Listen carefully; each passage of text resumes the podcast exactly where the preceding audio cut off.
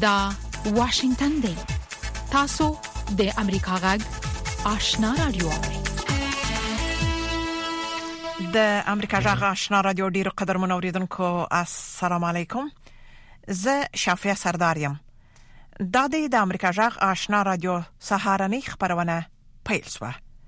لومړی به د دې سات خبرونه ووري السلام علیکم درنو وردونکو دا د امریکا جغ واشنگټن سټوډیو دا زه خل خان یم پام وکړئ د سات خبرونه ته د افغانستان لپاره د پاکستان ځانګړی استازی وای په پاکستان او یا هم په تورخم کې بند پاتې افغانان کولای شي د اپریل میاشتې تر نوښتمې پر تذکرو افغانستان ته واوړي نوموړي پرون د دوشنبې په ورځ په خپل ټویټر پاڼه لیکلي چې یاد کسان باید له دغه فرصت څخه استفاده وکړي. هغه ویلي چې له معمول سره سم په تورخم کې یوازې ناروغانو ته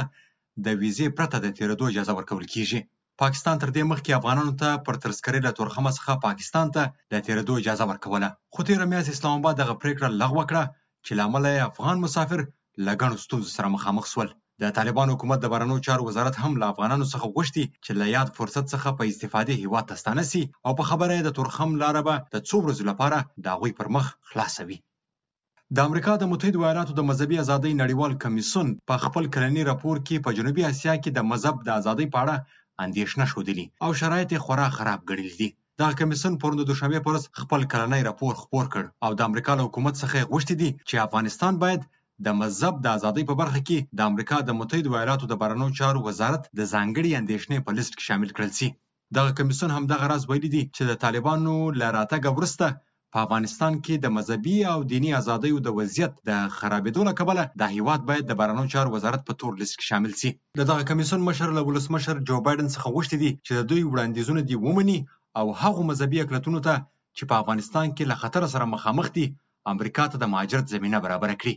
د بشر د حقونو یو شمېر نړیوال سازمانونه وايي چې طالبان د ښځو او نجونو د حقونو په ګډون بشري حقونو، په خاص ډول د مذهبي اقلیتونو حقونو او د بیان او فکر ازادۍ ته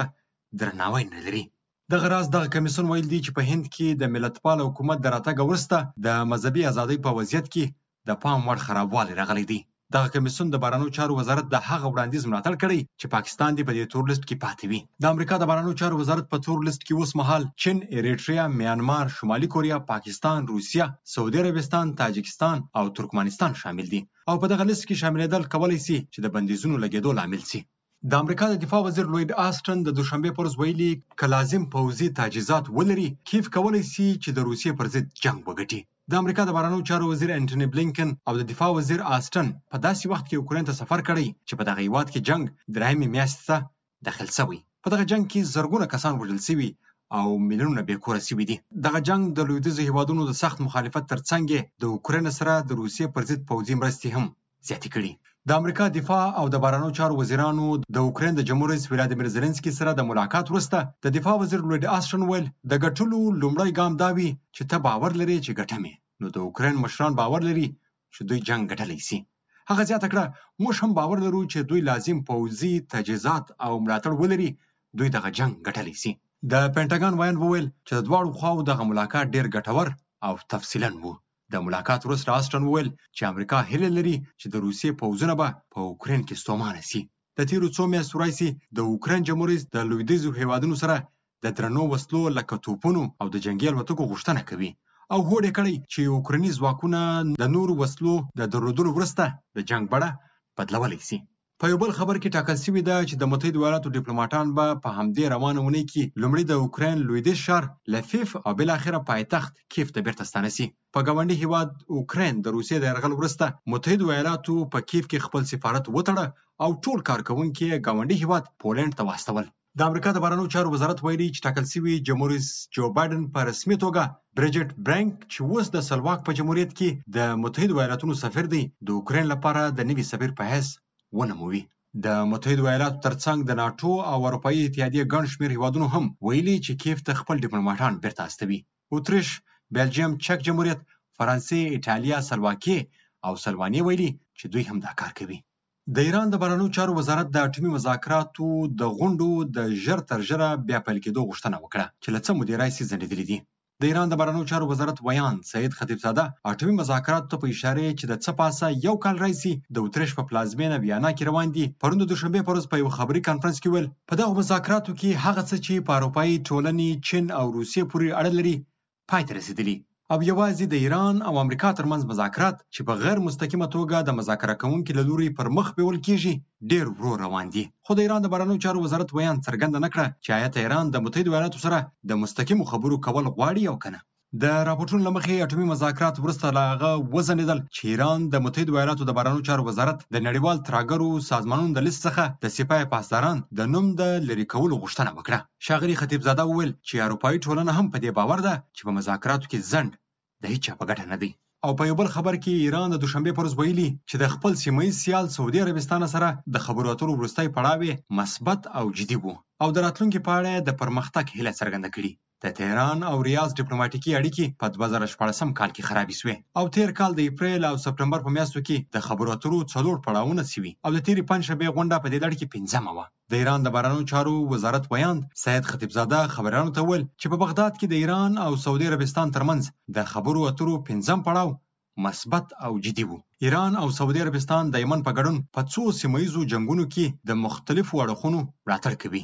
په یمن کې ایران د حوثي یاغیانو او ریاض د یمن د حکومت ملاتړ د پوځي اعتراف مشري کوي. په دوه زره شپاړسم کال کې کله چې سعودي عربستان یو شیعه عالم نیر النمر اعدام کړ، ایراني مظاهرچیانو په تهران کې د سعودي په ډیپلوماټیکي ماموریتونو برید وکړ او په ځواب کې ریاض له تهران سره ډیپلوماټیکي اړیکې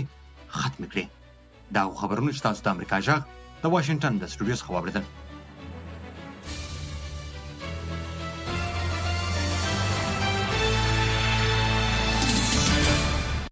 خبرونه مو د امریکا جغ آشنا رادیو څخه واوریدل قدرمن اوریدونکو زموږ په دې سهارنۍ پښتو خبرونه کې د افغانستان سیمه او نړۍ د روانو حالاتو په اړه کې مهم مطالب او مرکې لرو او د امریکا جغ سره مقاله هم اوریدلی شي خو لومړی به دا راپورټ واوري چې د ملګرو ملتونو یو شمیر کارپوهان وایي د امریکا لخوا د افغانستان د شتمنیو تر کنګلېدو وروسته د اقتصادي ستونزو سربېره د افغان میرمنو وضعیت د خرابېدو په طرف روان دی د ملګرو ملتونو خپلواکو کارپوهانو د دوشنبه په ورځ وویل چې د افغانستان د شتمنیو په کنګل کېدو سره هم متحده ایالات او هم طالب چارواکي د افغان میرمنو په مشکلاتو کې برخه لري نور تفصيل په رپورت کې واوري ملګرو ملتونو او د واشنگټن په ګډون بهرنۍ حکومتونو د انجونو د ښوونځیو د تړل کېدو په شمول د میرمنو د حقوقو په برخه کې د خپل ژمنو څخه د طالبانو په شاتګ نیوکه کړې ده د ملګرو ملتونو د 14 مستقلو کارپوهانو په بیانیه کې همدارنګه د متحده ایالاتونو حکومت هم تورن شوی چې د افغانستان د میلیارډونو ډالرو په کنګل کولو سره د افغان میرمنو ژوند خراب کړی دی د ملګرو ملتونو د کارپوهانو په اعلامیه کې راغلي په داس حال کې چې د جنسیت پر اساس تاوتریخوالی د افغان مرمنو او نجونو په وړاندې یو وګړمحاله او ناوړه ګواښ دی د متحده ایالاتو په اقداماتو سره حالات نور هم خرابېږي دغو کارپوهانو همدارنګه د طالبانو له خوا پراخ جنسیتي تبعیض د میرمنو د حقونو د خرابېدو لامل بللی دی د خځو د حقونو فعال او په ناروی کې د افغانستان په خوانی سفیره شکریا بارکزی وایي چې د هرې ورځې په تیریدو سره د افغان خځو وضعیت په سیستماتیک ډول خرابېږي بغیر له شکه په افغانستان کې د نه د خزو وضعیت د هرې ورځې په تیریدو سره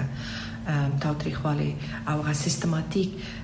جنسیتي اپارتاید د خزو په مقابل باندې ډیریږي میرمن بارکزۍ وايي، اوس په کار ده چې یوه نوې منطقي لار پیدا شي. طالبان باید خپل د کړنو نه افغانانو ته او نړیوال ټولنې ته باید او باید دوی مسؤل اوسي، همدارنګه بهرنۍ مرستې هم په افغانستان کې باید په شفاف ډول باندې مصرف شي، متاسفانه عدم د شفافیت او موثریت د بهرني مرستو په دستګاه او مخصن ملل متحد پروژو کې هم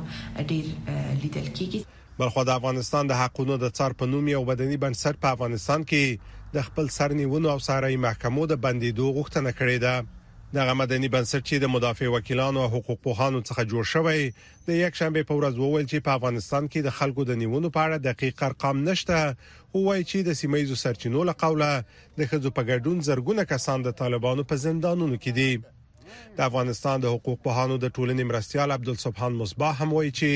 د اسلامي امارات لخوا د پخوانیو پوځیانو او خبريالانو په ګډون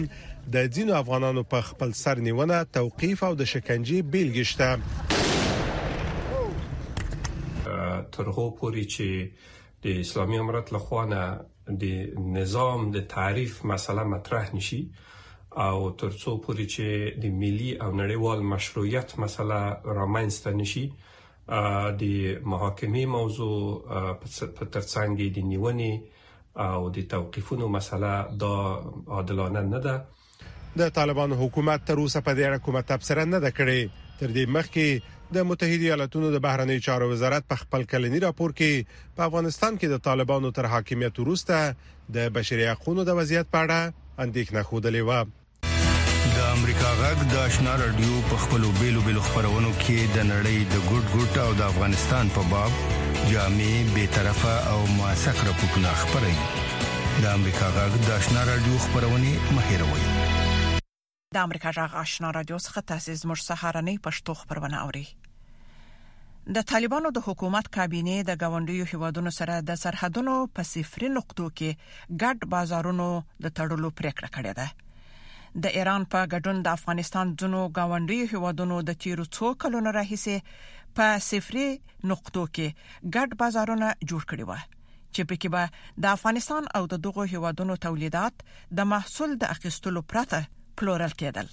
په کابل کې د امریکا جغ آشنا رادیو خبريال اکرام شینواری د دغو بازارونو د تړلو د علت او د طالبانو د حکومت لخوا د بودیجې تصویب د ځند په اړه د دغه حکومت د مالیې وزارت ویان احمد ولی حق مل سره مرکه کړې انتظار پای ته ورسید ترنو لیدونکو او اوریدونکو تاسو کولی شئ د امریکا غا ټلویزیونی او رادیوي خبرونه د یاسات ساتلایت له طریقو وګورئ او واورئ د نوي ساتلایت لارې تاسو د آشنا اتصال او کاروان ټلویزیونی خبرونه کتلای هم شئ د امریکا غږ د افغانستان څنګه خبرونه په 398 چنل او د آشنا رادیوي خبرونه په 398 چنل کې اوریدلای شئ لملتيامو د تل پشان مننه قدرمن اوریدونکو ننګهاریان وایي خوشاله دي چې ماشومان ته د واکسینو څاڅکي د کورونو تر دروازو راوړل کیږي او په دې سره یې کمکیانو ته واکسین منظم او په خپل وخت تر سره کیږي لدې نږدې یو کال ورسته بیا په ختیځ کې کور په کور د پولیو ناروغي ضد واکسینو کمپاین تر سره شو ابوبکر علیزی له ننګرهار څخه په دې باره کې رپورت راستولی ننګرهارمېشتي د پولیو ناروغۍ ضد واکسینو کور په کور کمپاین ته خوښ دي او وایي، دې سره به زیاتو کمکیانو ته د پولیو ناروغۍ واکسین ورسېږي.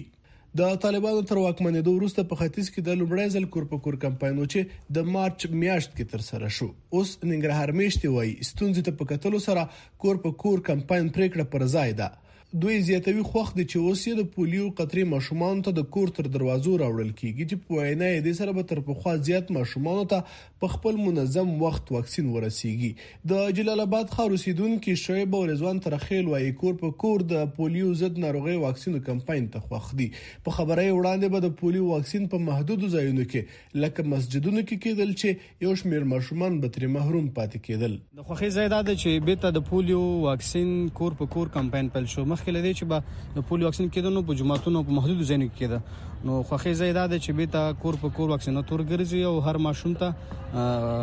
واکسین په خپل وخت سره اجرا کوي. کور په کور په دې خدا چې واکسیناتور زی کور ته او د د کورنۍ چې څومره ماشومان د 15 کلونو کم عمر هغه ته ټولو ته واکسین راسیږي نو دا ډیر فائدہ مند او د سربه د پولې هغه درجه بیخي صفر شي په افغانستان کې که څه هم خاریان د واکسینو د کور په کور کمپاین په پیل خوشاله دي خو په خبره یې کې د واکسیناتورانو په ډله کې خزینه واکسیناتوران هم وي نو ممکن چې په کورونو کې مرمنو او هغه چې نارینه په کورونو کې نشته اسانتیا راولي. لیما په جلال اباد ښار کې ژوند کوي. مخکې چې به و دا د واکسین والا به ښځې راتلې اوس ښځې ورسره نه راځي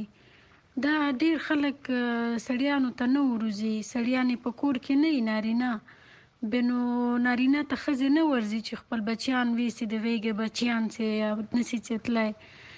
چې ورته واکسین واچوي. په ختیځ کې له نږدې یو کال وروسته کور په کور کمپاین بیا وشو. دغه کمپاین د مارچ میاشت کې تر سره شو او د ننګرهار روغتیايي چارواکو په یو مرکه کې د امریکا غږ سره ویلي و چې نتیجه یې د مسجد په مسجد کمپاین څخه ښه وه. د ننګرهار د عامې روغتیا ویاند نقیب الله رحیمي امریکا غږ سره په یو مرکه کې ویلي و، اړوند تطبیق کوونکو نړیوالو موسساتو چې دغه برخه کې همکاري کوي هغوی غوښتنه دا وه چې دغه کمپاین باید کور په کور باندې ترسره شي ځکه د خوښۍ خبر دا ده چې اسلامي امارت په راتګ سره هغه امنیتي مشکلات ټول له منځه تللي دي نو غوښتنه او تاکید دغه و چې دغه کمپاین باید کور په کور باندې ترسره شي ځکه دغه کم کمپاین چې په جوماتونو کې ترسره کېږي د دغه نتیجه او تطبیق ډېر زیات ښه نه و وروسته له هغه چې د جمهوري نظام پر مهال په ننګرهار کې کور په کور کمپاین پر مهال پر واکسیناتورانو بریدونه وشول هماغه مهال د پولیو کمپاینونه هم وزندول شو خو د طالبانو راتګ سره د پولیو ناروغي ضد واکسینو کمپاین پیل شو خو کور په کور نه تیر مارچ میاشت کې د طالبانو د واکمنېدو وروسته لومړی ځل کور په کور کمپاین ته اجازه ورکړل شو چې چارواکي وایي نتیجه هم تر پخوا ښه وه ابوبکر علیزی امریکا غږ آشنا رادیو جلال آباد تاسو غږ په سیاسي اقتصادي ټولنیزو کلتوري او صحي مسایلو تاسو غږ تاسو په جبه د افغانستان په وخت هر شپه لس بجې د امریکا غږ آشنا رادیو نه پښتو او دری ګډه خبرونه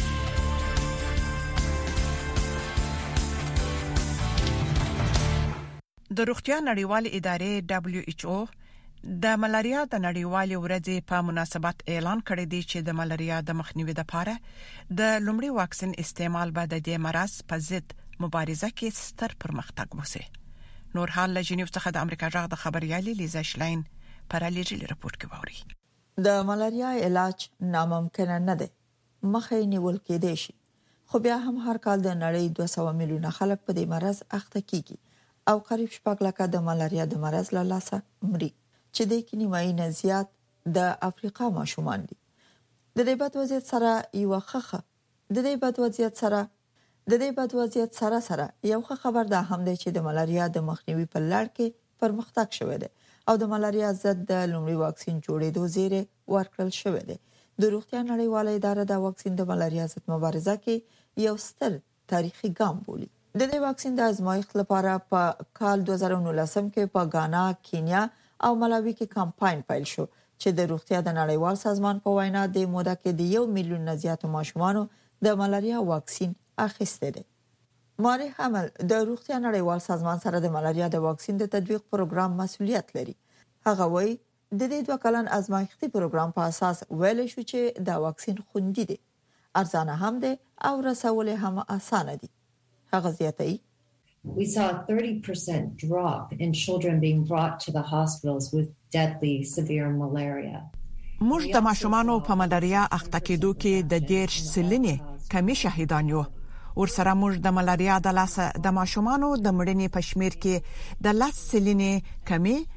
رپورټ هم لرو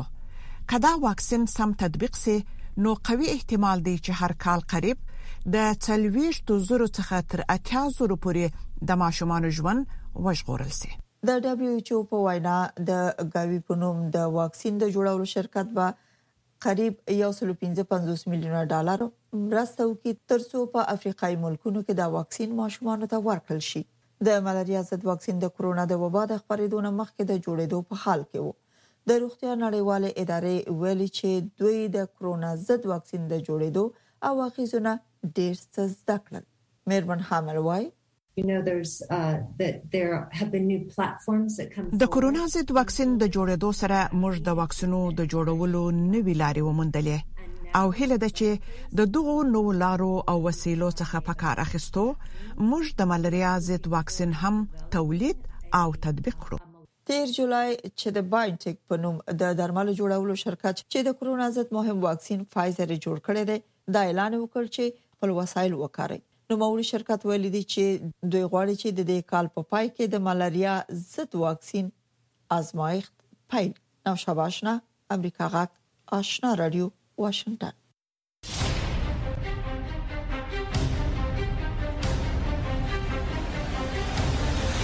اتصال زموږ او تاسو پیوستون خبرونه چیرنې او خبرګونونه موثق معلومات او دقیق جزئیات هغه کورنۍ نړیواله او سیمه ییزې مسلې چې د عامو خلکو پر ژوند اغیزې لري ستاسو پوښتنې د چارواکو ځوابونه او د پوهانو سپارښتنې له یک شنبه تر پنځ شنبه د ماښام پر 15 بجو او 10 دقیقو له واشنگټن څخه پر ژوندې بڼه قدر منوریدونکو د افغانستان د شزینه فوټبال ملي لوبډلې لوبغاړو له افغانستان څخه تر وتلو وروسته د لومړي ځل لپاره د استرالیا په سیمه ییزو سیالیو کې برخه اخیستې ده که څه هم لوبه مساوي پای ته ورسېده خو دا د دغو شوزو فوټبالرانو لپاره ستره بریا و نور تفصيل پر پور کې واوري دا لوبه د یک شنبه په ورځ د استرالیا په ختیځ وکټوریا ایالت کې تر سره شوه په دې لوبه کې د افغانستان د خزو د فوټبال ملي لوبډلې وکول شول چې ګول وهي خو د لوبڅار لخوا ګول رد شو او بل اخر لوبه مساوي پای ته ورسیده افغان لوبغاړي خوشاله دي چې له مودو پس او له وطن څخه له وټلو وروسته د لوبو میدان ته را دانګي دا په زړه پورې ده. دا عالي ده چې له مودو پس موږ بېرته په ګډه په مسلکي ډول لوبېږو. موږ رسماً په ګډه لوبه کوو. د لوبډلې روزونکي جیف هاپکینز د سیالې لوبډلې پر وړاندې د افغان لوبغاړو لوبه وستایله. د ملبورن د لوبډلې روزونکې دوې ځوانې مېرمنې دي، د دوی غوښتنه دا ده چې مساوي فرصتونه ورته برابر کړای شي، څو هغه لوبه وکړي چې د دوی خوښېږي. څرګنده ده چې داسې یو څه په افغانستان کې مساعد نه وو، دوی د لوبو له کبله ځورول کېدلې. د افغانستان د ښځو د ملي لوبډلې کپتانه نیلاب وایي، دې لوبې وښوده چې طالبان د ښځو د ورزش مخه نه شي نیولی. د لوبې اهمیت دا و چې موږ په هغو ورزشي جامو کې لوبه کوله چې د افغانستان بیرغ په کې و، دا زموږ لپاره ډېر اهمیت لري، دا په دې مانا ده چې طالبان نه شي کولی زموږ د لوبو مخه ونیسي. مونږ به د افغانانو لپاره او په خاص ډول د میرمنو لپاره لوبو ته اوس هم دوام ورکړو اته میاشتې وړاندې کله چې طالبانو په افغانستان کې واک ترلاسه کړ استرالیا د افغانستان د فوټبال لوبډلې د لسګونو لوبغاړو او د هغوی د خپلوانو په ویستلو کې همکاري وکړه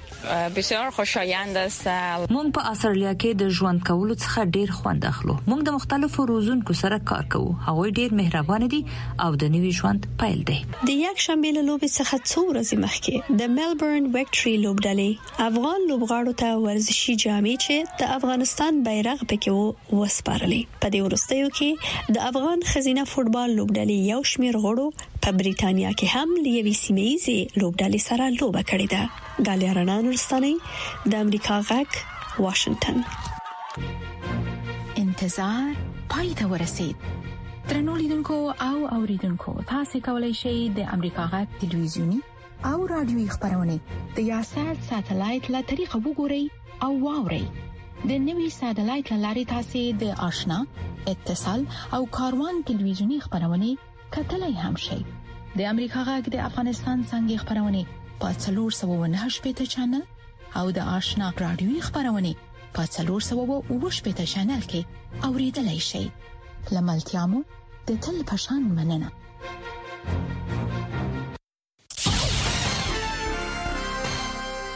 قدرمن اوریدونکو د دې اوس په د امریکا جغ سر مقاله ووري چې د امریکا د حکومت نظر څرګندوي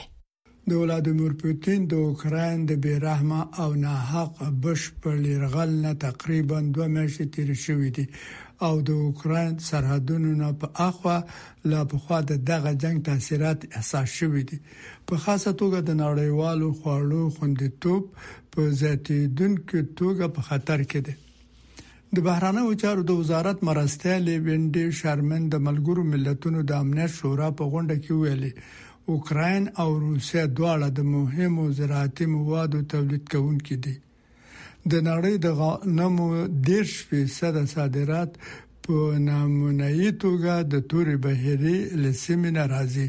په داسې حال کې د نړۍ د جوارو شل فیصده او د افتاب پرستو تېلو پنځه اویا فیصده له دغې سیمې نه راځي. د بهرنیو چار د وزارت مرستیالې شرمن ویلي، د رپوټونو له مخې د روسي سمندري قواوو د اوکراین بندرونو ته د لاسرسي په مخ کې خنډونه اچوي، د لسګونو هغو کښتیو مخه نیسي